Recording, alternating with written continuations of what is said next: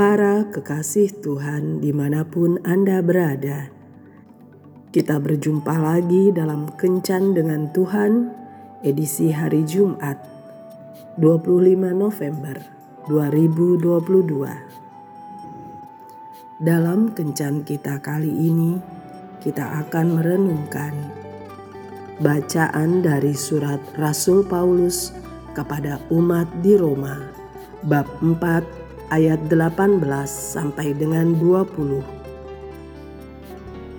Sebab sekalipun tidak ada dasar untuk berharap, namun Abraham berharap juga dan percaya bahwa ia akan menjadi bapa banyak bangsa.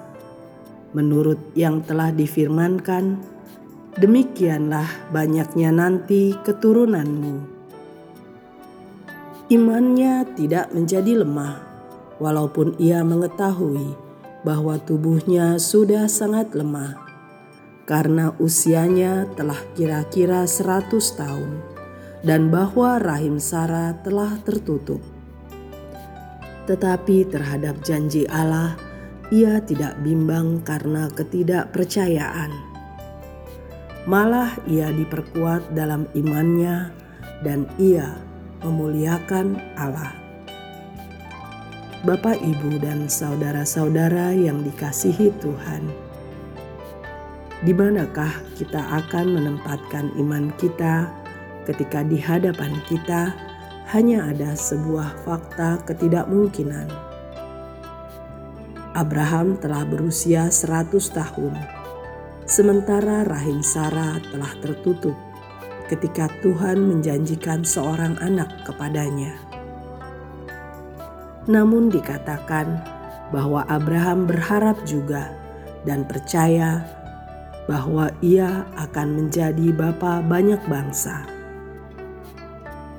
Hal ini diperhitungkan Tuhan kepadanya sebagai kebenaran. Demikianlah Tuhan menerima bukti dari imannya dalam sebuah kemustahilan hidup. Apa yang dihadapi Abraham tidak berbeda dengan situasi kehidupan kita, di mana iman dan fakta hidup berada di dua belahan dunia yang berlainan. Kehidupan kita sehari-hari dipenuhi dengan perkara-perkara yang membuat kita melihat sebuah kemustahilan.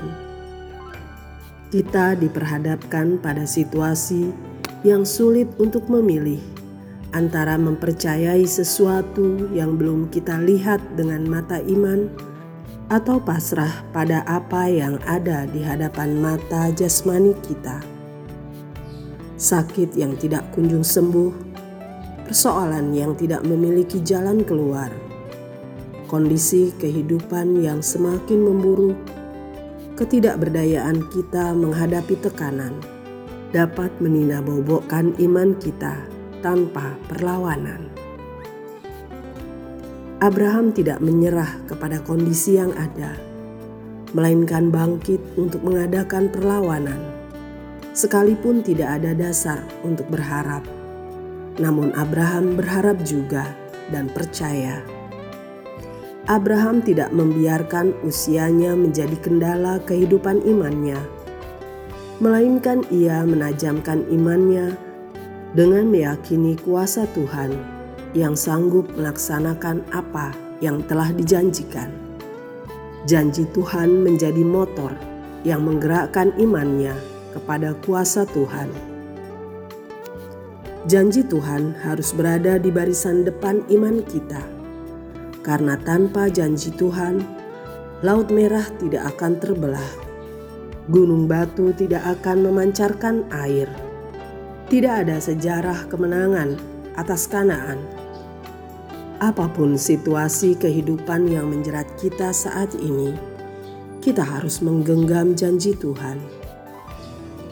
Janji Tuhan harus ada di pikiran kita yang terfokus padanya dan tertanam di dalam jiwa kita yang akan melahirkan kekuatan untuk bertahan serta dekat di bibir kita untuk diucapkan, sehingga rintangan yang menghadapi bisa dikalahkan. Ketika kita mengerti bagaimana menjalani hari-hari hidup kita yang berlandaskan pada janji Tuhan, maka kemustahilan hidup hanyalah menjadi batu asah iman kita saja. Mari kita merefleksikan diri kita atas konsep kebenaran ini dengan sebuah pertanyaan. Sejauh manakah janji Tuhan di dalam firman-Nya berperan dalam keseharian kita? Tuhan Yesus memberkati. Marilah kita berdoa. Tuhan Yesus, aku bersyukur atas janji-janjimu bagi diriku dan aku mau hidup berdasarkan janji-janjimu itu sehingga aku tidak jatuh terkapar. Amin.